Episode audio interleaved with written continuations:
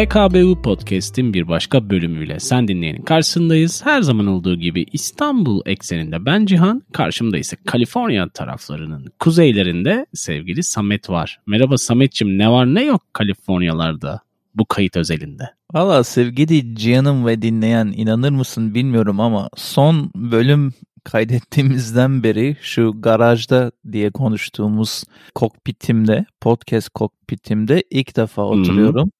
Aradaki zaman vesilesinde o kadar yoğun ve uzun bir hafta geçirdim diyebilirim. Yani oturup şöyle bir bilgisayarımı bile açamadım evde şeklinde geçti. Sende ne var ne yok? Valla bende de senin kadar olmasa da çünkü sen bir artık hayır kurumu edasıyla programını böyle daha da dolduruyorsun. Bende hayır kurumu tarafı yok ama güncel hayat döngüsü içerisinde yoğun bir haftaydı son kayıttan sonra kişisel hayır kurumu kurduğum doğrudur. Oraya da hizmetlerimizi sunarız geldiğimizde. Bu muhabbeti de bu inside joke muhabbeti de şöyle açıklayalım. Dün uzun bir hafta radyasyon haftasında, kedilere radyasyon tedavisi haftasından sonra dün bir de ev taşıdım bir arkadaşla. Bu ev taşıma olaylarının ne kadar lanet bir olay olduğunu kendim yılda bir ev taşıyan biri ortalama olarak bildiğim için. Evet. Öyle bir yardım yaptım. Bana da zamanında çok yardım etmiş olan biriydi. Aslında bir vefa örneği olmuş oldu. Bir geri dönüşüm diyelim. Sevgili Cihan'ım. Ve her zamanki gibi her zamanki gibi demesek de çoğu zamanki gibi bölümle en baştan sona kadar hiçbir alakası olmayan bu geyik açılıştan sonra bambaşka dünyalara açılalım istersen. Ya bunu şey gibi düşünelim istersen hani tavaya koyduğun tereyağının ana malzemeler öncesindeki eriyerek yemeğe hazırlanması gibi. Valla bölüm biraz değişik aslında. Biraz kafa açan bir bölümle sevgili dinleyenin karşısındayız. Güncel bir bölüm gibi dursa da belki yıllar sonra böyle açıp dinlediğinde sevgili dinleyen eğer yıllar sonra dinliyorsa belki Hı-hı. o zaman tam güncel bir durum olacak. Neyden bahsedeceğiz bugün sevgili dinleyene? Arktik bölgede yani Kuzey Kutbu'nda oluşması muhtemel bir soğuk savaş ya da sıcak savaş ihtimali buzulların erimesiyle birlikte diye bir girelim Samet. Yani çok yüksek jeopolitik bir hassasiyetin olduğu yer. Senin dediğin aslında çok doğru. İleride patlama yaparsa bu konu geriye dönüp bu bölümü dinleyip ya nereden çıkmış bu olayın başındaki sıkıntılar diye dinlenebilir uzun yıllar sonra. Çünkü Aynen. görünüyor görünürdeki şey bunun kolay kolay çözülemeyeceği ve daha da çok Arap saçına döneceği diye ben anladım araştırdığımda. Neden evet. böyle konuşuyoruz daha açılışta?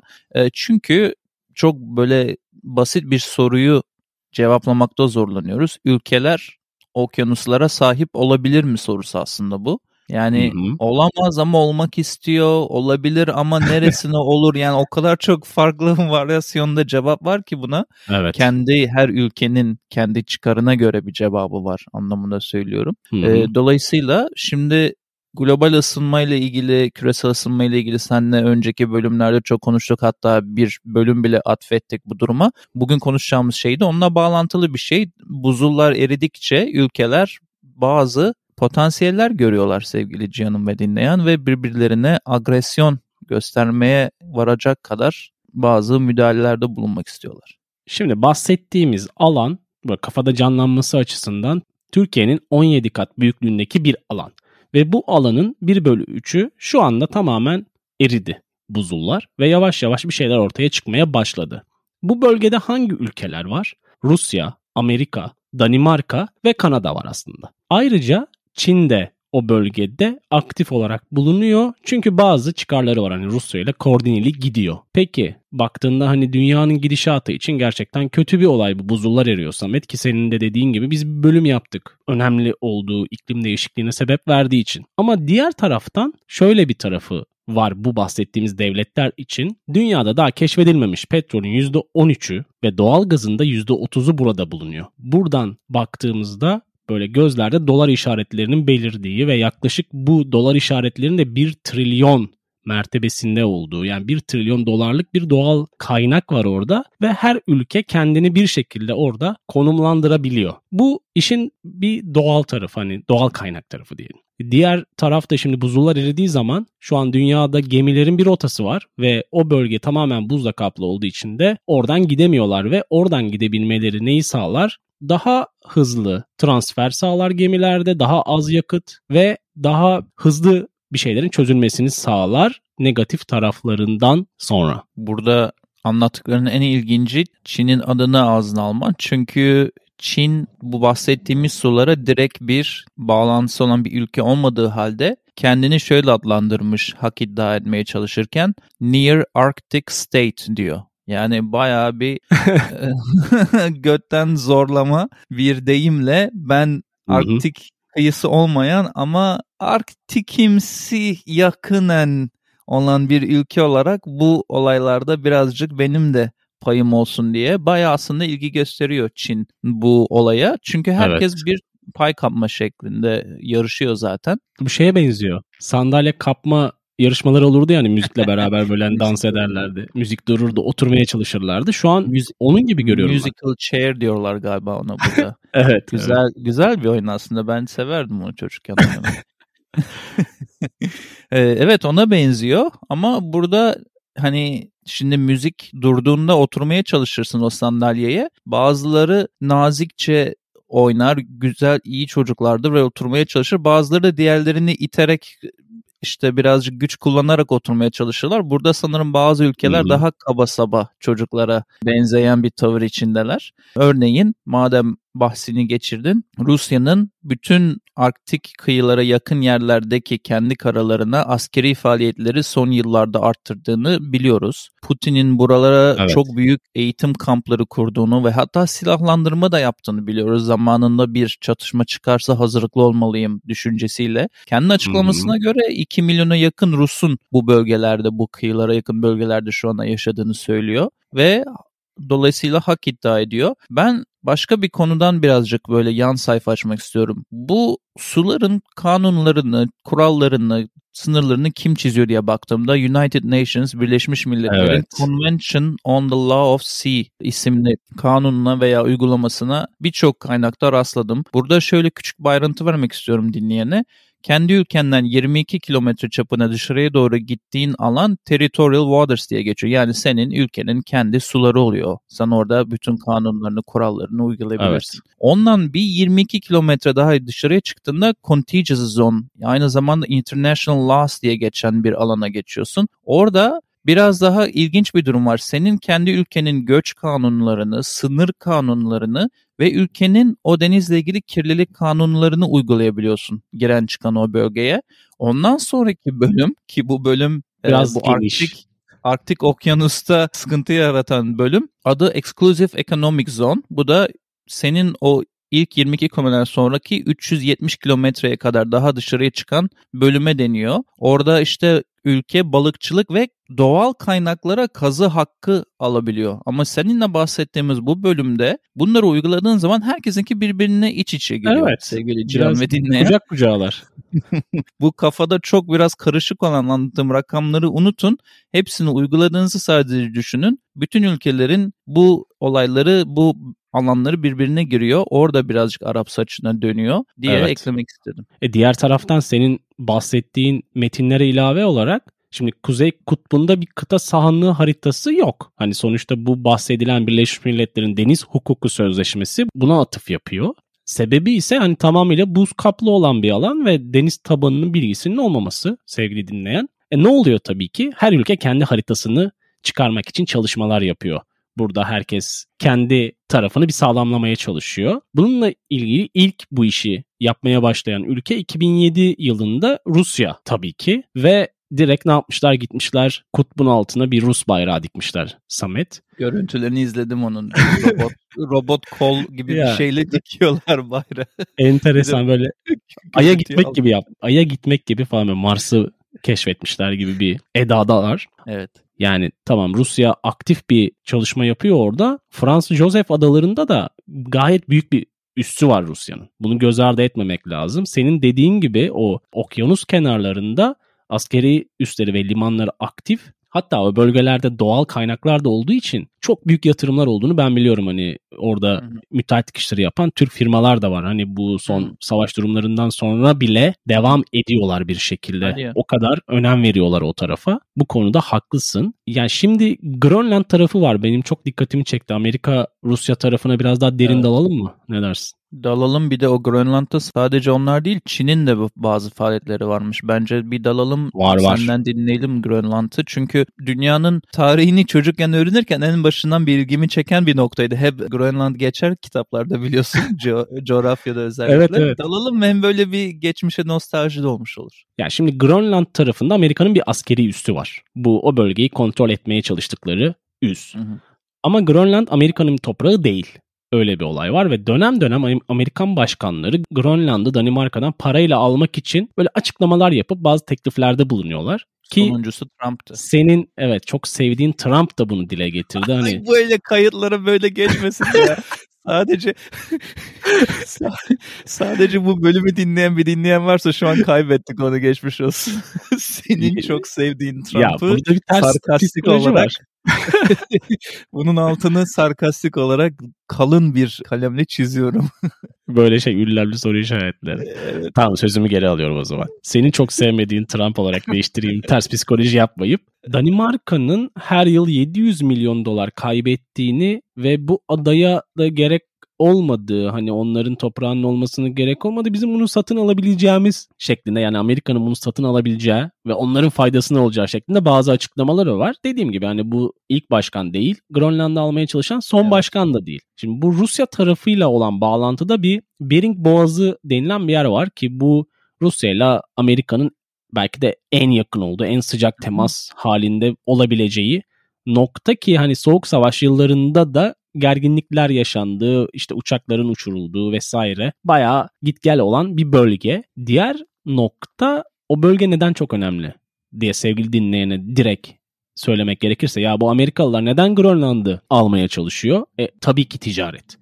Avrupa'dan Amerika'ya kargo gemilerinin geçişini sağlayan bir güzergah bu Grönland ve hani her şeyi yapabilir orayı sahip olduğu zaman. Her şey derken işte ne bileyim ikmal istasyonları kurabilir, depolama alanları kurabilir. Ne kadar hayat zor olsa da şu aşamada imkansız değil ve belki de çok da olası geliyor benim aklıma. O az önce bahsettiğin Rusların bulunduğu boğazın orada da Ruslar sadece bulunmak için bulunuyorlar şu anda. Okuduğum raporlara göre inanılmaz maddi kayıplara rağmen stratejik Hı-hı. olarak bulunmak için bulunuyorlar orada şu anda. Çünkü soğuk savaş bitti biliyorsun. Yine de evet. ileride olan olabilecek bir savaş için öyle bir seçim yapmışlar. Ya burada şöyle bir şey var. Ne kadar gemiler geçerse o bölgeden erimenin de o kadar hızlanacağını söylüyor bilim adamları. Çünkü bu gemiler zaten bu evet. buzullara da zarar veriyorlar, yararak geçiyorlar içinden. Bu hani hep konuşuyoruz ya kıyı denizleri metrelerce yükselebilir diye. Hı hı. Yapılan bir işte araştırmayla ortaya çıkan ihtimale göre bunun 6-7 metrelere kadar çıkabileceği düşünülüyor. Eğer bu kadar hızlandırırsalar çok büyük bir şey yani çok bu ya. bütün bütün Avrupa'daki kıyıları olan yerler için ve Amerika'nın da bazı East Coast'taki kıyıları için önemli evet. bir durum. Burada dikkatimi çeken başka bir şey var. ABD Norveç'e de ortak yapılan anlaşmalarla çok büyük bombalama yapabilen uçaklar götürdü son zamanlarda ve hmm. Norveç'le çok ortak tatbikatlar yapıyorlar. E, bu da neden böyle? İleride bir olası kutuplar çatışması halinde Rusya ile Norveç arasında ABD göz korkutmak ve bir anlamda ben buradayım Norveç'e bir şey yaparsam ben de devreye girerim mesajı vermek için bunu yaptığını söylüyorlar. Hatta envanterindeki en büyük 2-3 bombalama yeteneği olan uçaklardan bir tanesini oraya yollamayı seçmişler şu anda. Hmm.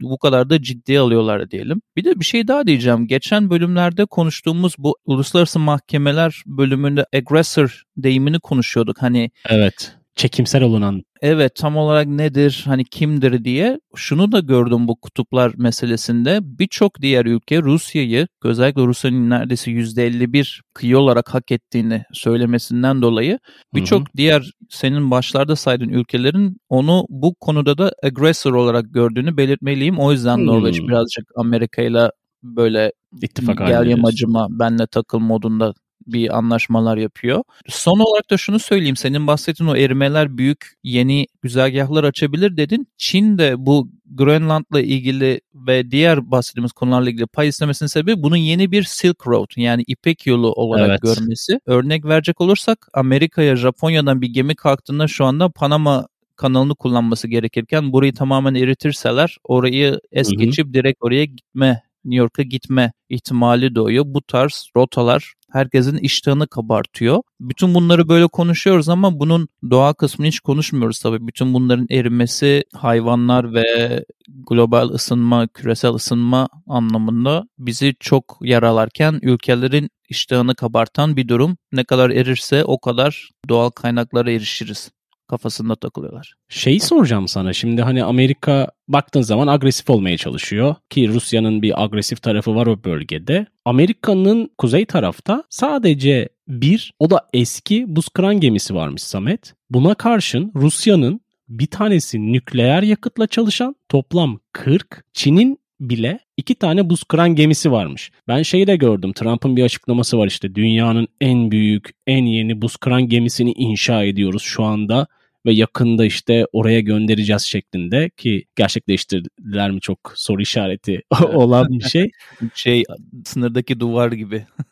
Çünkü sevgili dinleyene şunu da söyleyelim yani o bölge tamamen buz kaplı olduğu için belli bir rotadan gemilerin ilerleyebilmesi için onlara eşlik eden böyle kılavuz bir buz kırma gemisi olması evet. gerekiyor. Aksi takdirde hani geçme şansları yok.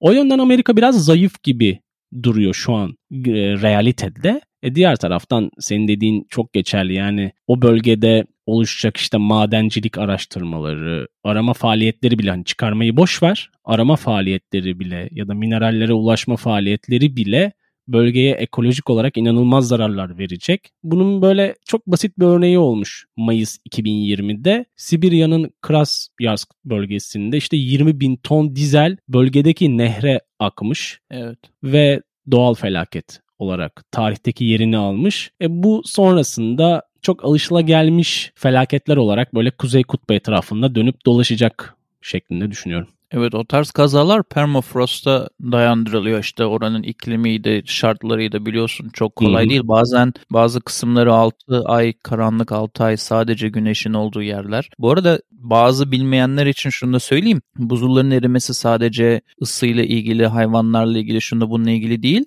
Dünyaya vuran güneşin de çok büyük bir ışık kısmının bir ayna gör- görevi gibi görüp geri gitmesi. Ya çok kabaca anlatıyorum şu an teknik bir şeye girmeyelim diye. Bir ayna bir reflection yapıp geri gitmesi babında ısıyı yine aşağıda tutan bir şey. Bir açıklamaya göre de dinlediğim bu bölümden önce bunu tamamen kaldırdın yani buzulları tamamen kaldırdığında bütün o ısıyı da aynen dünyaya çekmiş oluyorsun. Çok güzel bir laf geçti videolardan birinde. Bunu önereceğim öneriler kısmında YouTube'da eğer İngilizce izlemek isteyen olursa çok hoşuma gitti. Adam diyor ki bir big tartışma programında Not only we are digging out fossils but also digging out our own grave. Sadece fosilleri hmm. kazmıyoruz, kendi mezarımızı evet. da kazıyoruz diye bitirmişti. O çok hoşuma gitti. Benimle en çok kalan cümle bu oldu bu bölüme çalışırken.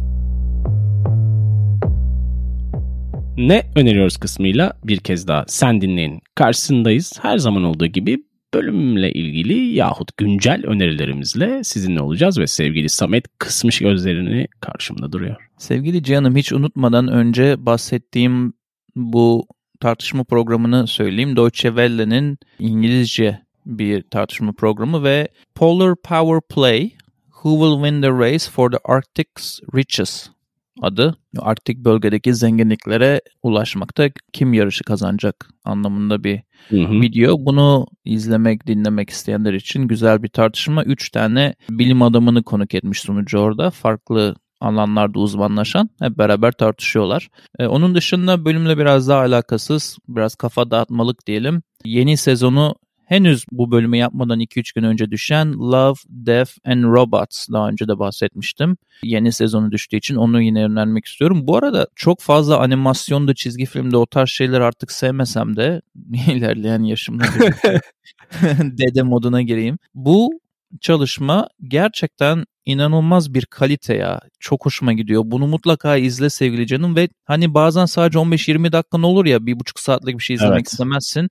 İşte bu yapım tam ona göre Buna yapılmış bir şey. yani. Evet abi süper bir şey. Bir koşuydu, temizlikti, birazcık yine işte öğle arasıydı falan neyse artık birazcık vaktin olduğunda buna bakabilirsin. Ama şey diye hatırlıyorum ben hani her bölüm birbirinden bağımsız Evet. idi şeklinde hatırlıyorum. Tamam. Önceki Hı hı. sezonları Yönet- parçalı bakmıştım. Hı hı. Sadece yönetmeni farklı değil, çizimleri de farklı. Bazıları daha gerçekçi Evet. çizgi film, animasyon gibiyken bazıları daha old school tarzında çizgi Hı hı. tekniği Hı hı. kullanılmış. Çok o bakımdan her bölüme başlarken neyle karşılaşacağını bilmediğin için ve de tabii ki de benim her zaman bölümlerde söylediğim ütopik, apokaliptik, future, yani bütün bu bilim kurgu, bütün bunlar olduğu için içinde yüksek tavsiyeyle ve, ve bitiremedim anasını satayım. Hala aynı şeyi konuşuyoruz. İzleyin Evet. izleyin falan diye. Bir de e, HKBO dinlencesi adı altında oluşturduğumuz şarkı listemize Streaming Satellites isimli gruptan Witches şarkısını eklemek istiyorum. Ve bu önerilerle beraber sevgili Cihan'ımda bugün neler varmış neler yokmuş diye hem ben hem de dinleyici olarak merakla kulak kabartıyoruz. Ben de senin üstüne hızlıca iki tane şarkı önerip HKBU dinlencesi playlistimize ilerliyorum. Bir tanesi The Talking Box grubundan Laika. Diğeri ise Live grubundan All Over You. Bunlar HKBU dinlencesi playlistimize Deezer, Spotify ve YouTube'da olacak sevgili dinleyen demek istiyorum. Kısa ve öz bir öneri köşesi diyorsun. Aynen öyle. Bize HKBU podcast.com üzerinden ulaşabiliyorsunuz sevgili dinleyen. Ayrıca Patreon üzerinden de bizi desteklemek isterseniz her zaman bekliyoruz ve başından beri bizi destekleyen Patreon destekçilerimiz var ve bunların başında Yasemin geliyor. Ona buradan çok teşekkür ederek Sevgiler. sevgilerimizi sunalım. E onun dışında sosyal medya platformlarında varız. İşte neredeyiz? Twitter'dayız, Facebook'tayız, Instagram'dayız. Ayrıca yarı pasif de olsa bir YouTube kanalımız var. Orada da bizi takip edebilirsiniz. Ara ara bazı videolarımızla karşınızda olabiliriz. Onun dışında da önceki bölümlerde ve sonraki bölümlerde görüşmek üzere diyelim. Tekrar teşekkür ediyoruz. Hoşçakalın. Hoşçakalın.